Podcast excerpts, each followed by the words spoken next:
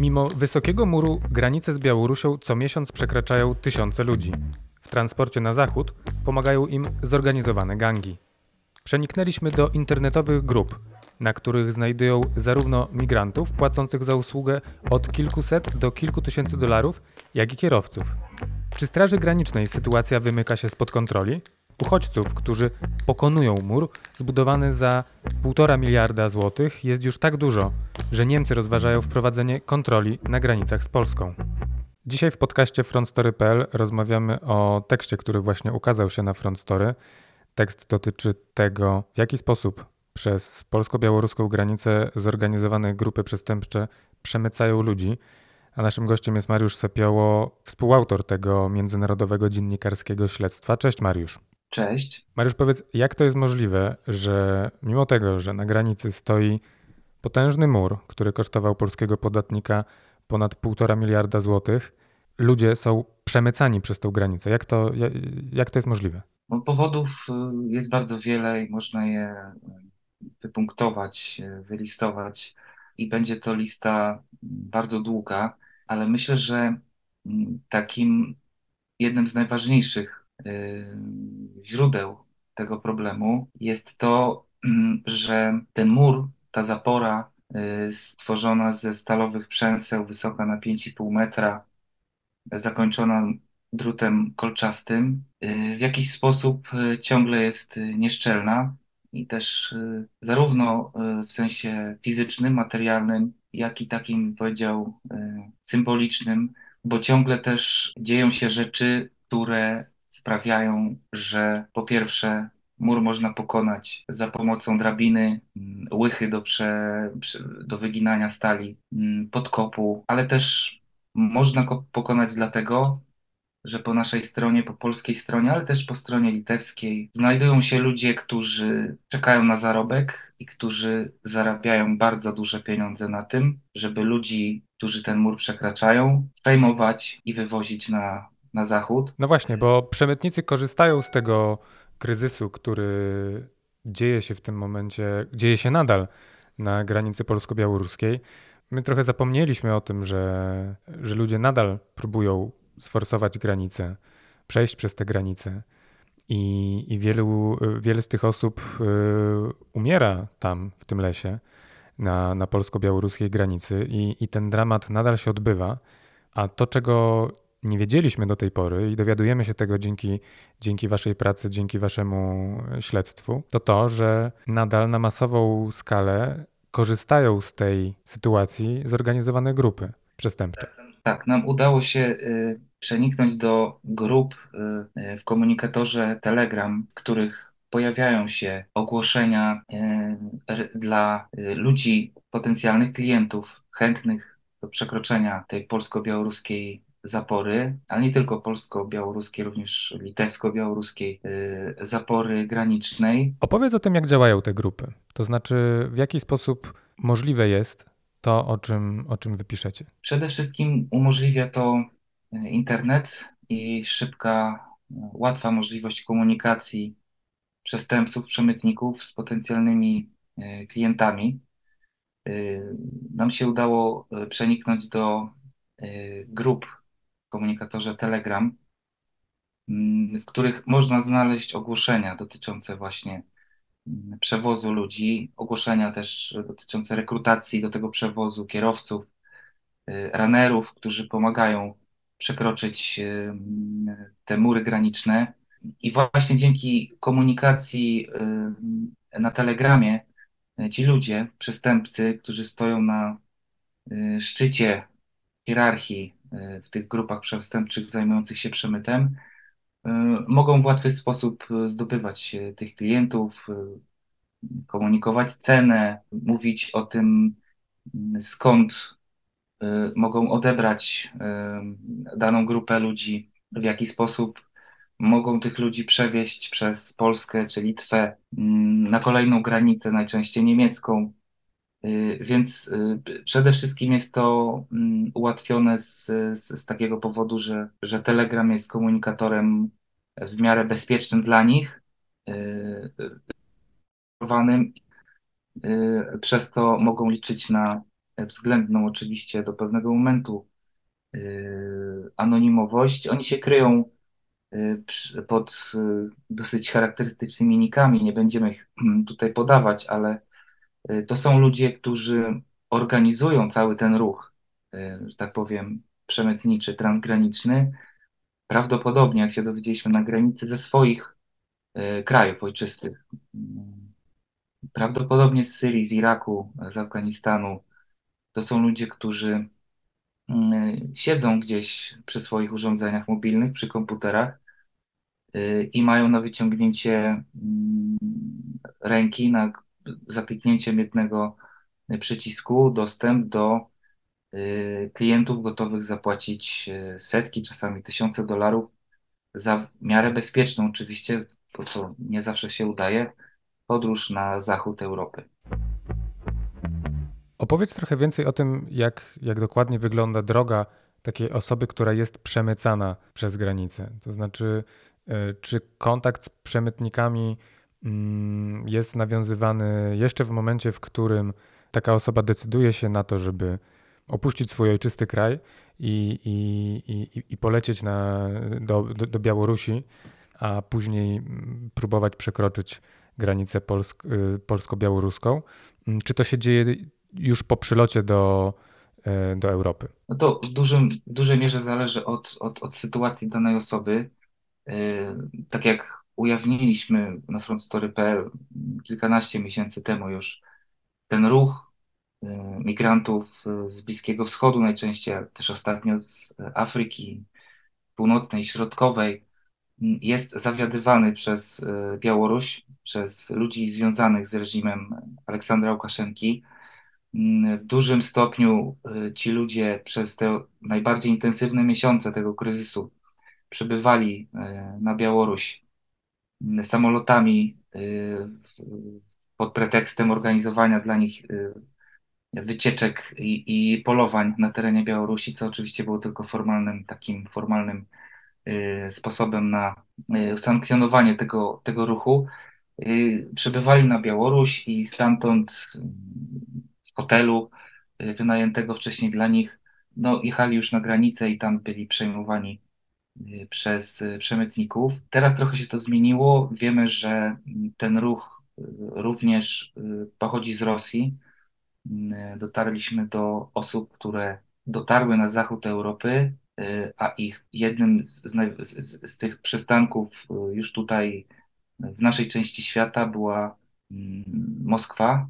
Y, I to z Moskwy przybyli na granicę, czy to litewsko-białoruską, potem białorusko-polską, czy litewsko-polską. Więc to zależy od tego, jaką drogę dana osoba wybierze. I to również zależy od tego, w jakiej sytuacji znajdzie się dana osoba już y, w okolicach muru, że tak powiem. Czy będzie próbowała sforsować ten mur z pomocą drabiny czy innego narzędzia, który ułatwi przejście przez mur, czy będzie przechodziła przez granicę mm, rzeczną na przykład i wtedy pokona granicę mm, za pomocą łodzi. I też zależy to, ta dalsza droga zależy od tego, w jakim miejscu już po, po polskiej stronie się znajdzie. Oczywiście miejscu najczęściej głęboko w lesie, e, najczęściej głęboko w Puszczy Białowieskiej. E, wtedy albo jest, jest już dogadana z przemytnikiem, z konkretnym przewoźnikiem, który zapewnia transport samochodowy do granicy z Niemcami, albo, albo szuka tego kontaktu y, w sposób spontaniczny, bo tak jak powiedziałem, on jest dość łatwy. Migranci są wyposażeni w telefony komórkowe, to jest jedna z najważniejszych, jeden z najważniejszych przedmiotów w ogóle, które, które mają przy sobie. Naładowany telefon komórkowy, wyposażony w powerbank po to, żeby właśnie z dowolnego miejsca w Polsce skontaktować się z odpowiednimi osobami, które za, za, za opłatą y, umożliwią im transport na zachód. Ile kosztuje przemyt człowieka?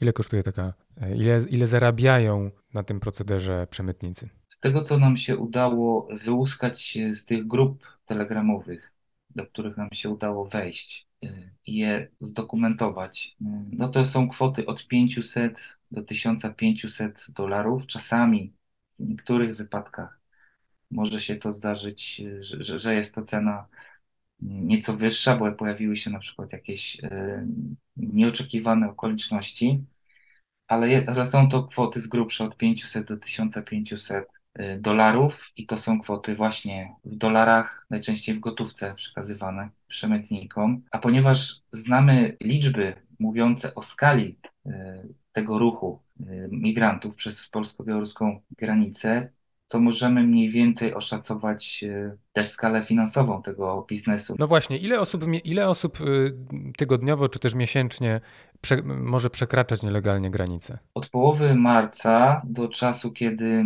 skończyliśmy pisać ten, ten tekst, y, było to około 2700 osób na grupie, na jednej grupie telegramowej. A takich grup jest ile? Tych grup jest oczywiście y, więcej niemiecka policja zatrzymała około 2400 osób na nielegalnie przekraczających granicę polsko-niemiecką, które wcześniej nielegalnie przekroczyły polsko-białoruską granicę. Więc to są liczby idące w tysiące miesięcznie prawdopodobnie.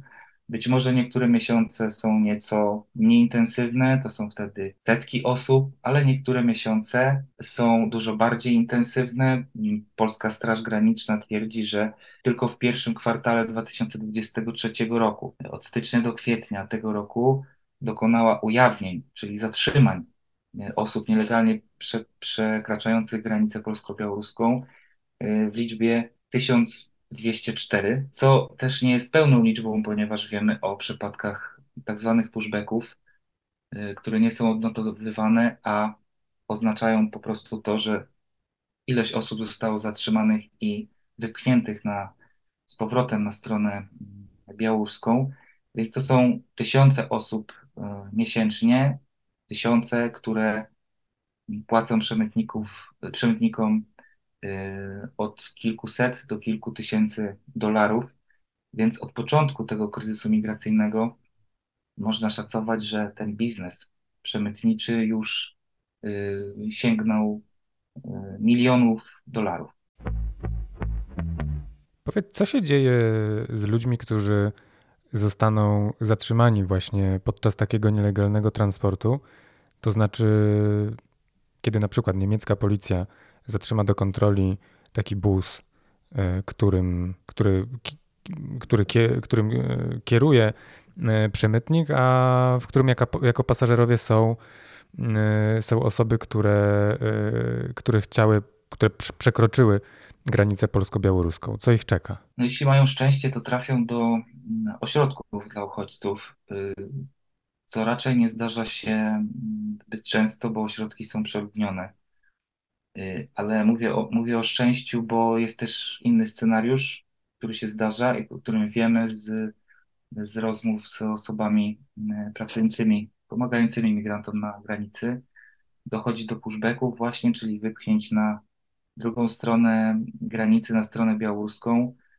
No i wiemy też, że migranci mm, są tym scenariuszem najbardziej y, przerażeni. Po pierwsze, dlatego, że Y, służby białoruskie są bardzo brutalne i nie patyczkują się, mówiąc krótko, z ludźmi, których złapią po tamtej stronie. Y, a dwa, no są to, jest to stracona inwestycja, czasami stracone oszczędności życia, które ci ludzie przeznaczają na przekroczenie granicy z Unią Europejską. Yy, i muszą wrócić do punktu wyjścia tak naprawdę, radzić sobie po tamtej stronie. Często nieznane są losy ludzi, yy, którzy yy, byli po polskiej stronie i zostali prawdopodobnie wypchnięci na białoruską.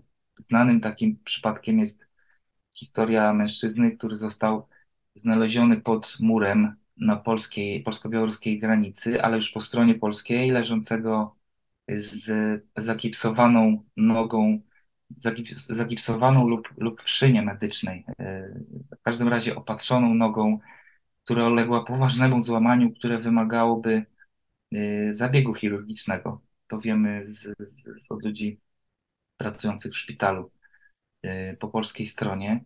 Ten człowiek leżał z tą szyną medyczną, ze złamaną nogą po polskiej stronie To znaczy, że po polskiej stronie został opatrzony i wrócił w jakiś sposób, na pewno nie na piechotę, na pewno nie taksówką, y, do muru i stamtąd wezwał y, pomoc y, humanitarną. Wiemy, że ostatecznie Straż Graniczna do niego dotarła, ale nie wiemy, co się z nim dalej działo.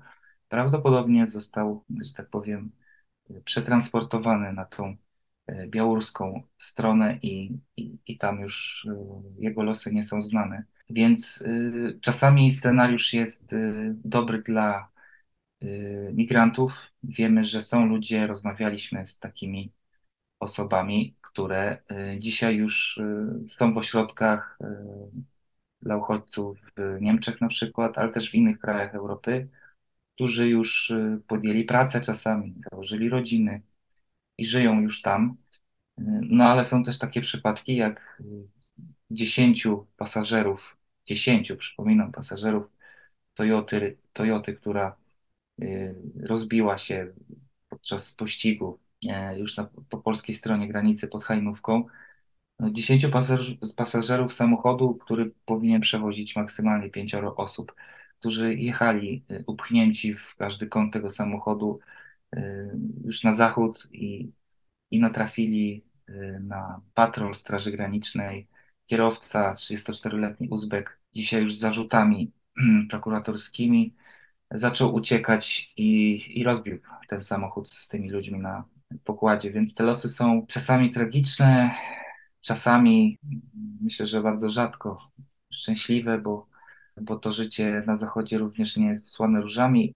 Czasami dość zabawne. Ja słyszałem takie historie o człowieku, który próbował przekonać polskie służby do tego, że potrzebuje azylu politycznego, używał słowo, słowa e, angielskiego asylum i próbował e, po angielsku rozmawiać z polskimi e, służbami i niestety nie doczekał się jakiegoś, jakiegoś dialogu, ponieważ nie mógł się dogadać po angielsku i został wywieziony chyba do ośrodka dla uchodźców, więc czasami jest to jest straszne, a czasami śmieszne. Historia, którą opisujecie, dramat ludzi, na którym żerują grupy przestępcze. Nie dowiedzielibyśmy się o nim, gdyby nie, nie właśnie wasza praca. Opowiedz trochę o tym, jak, jak pracowaliście nad tym materiałem. Wspominałeś o tym, że e, jednym z głównych źródeł informacji były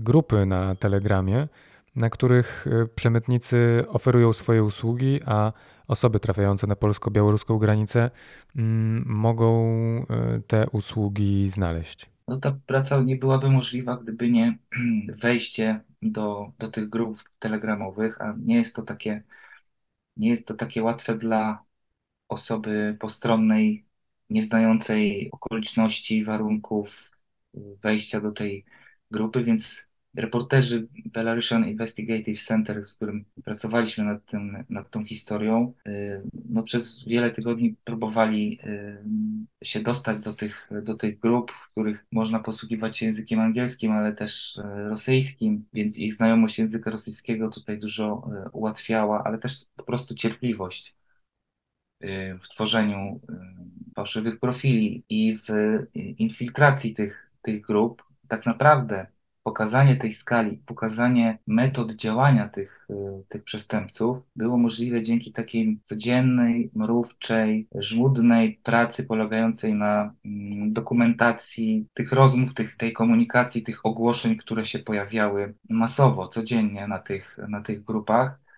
i próbie wyciąganiu, wyciągania z wniosków z tych treści, które się tam e, pojawiały. No to jest taka codzienna praca y, nad dokumentacją, nad zachowywaniem wszystkich śladów, y, które się pojawiają w, tym, w tych komunikatorach.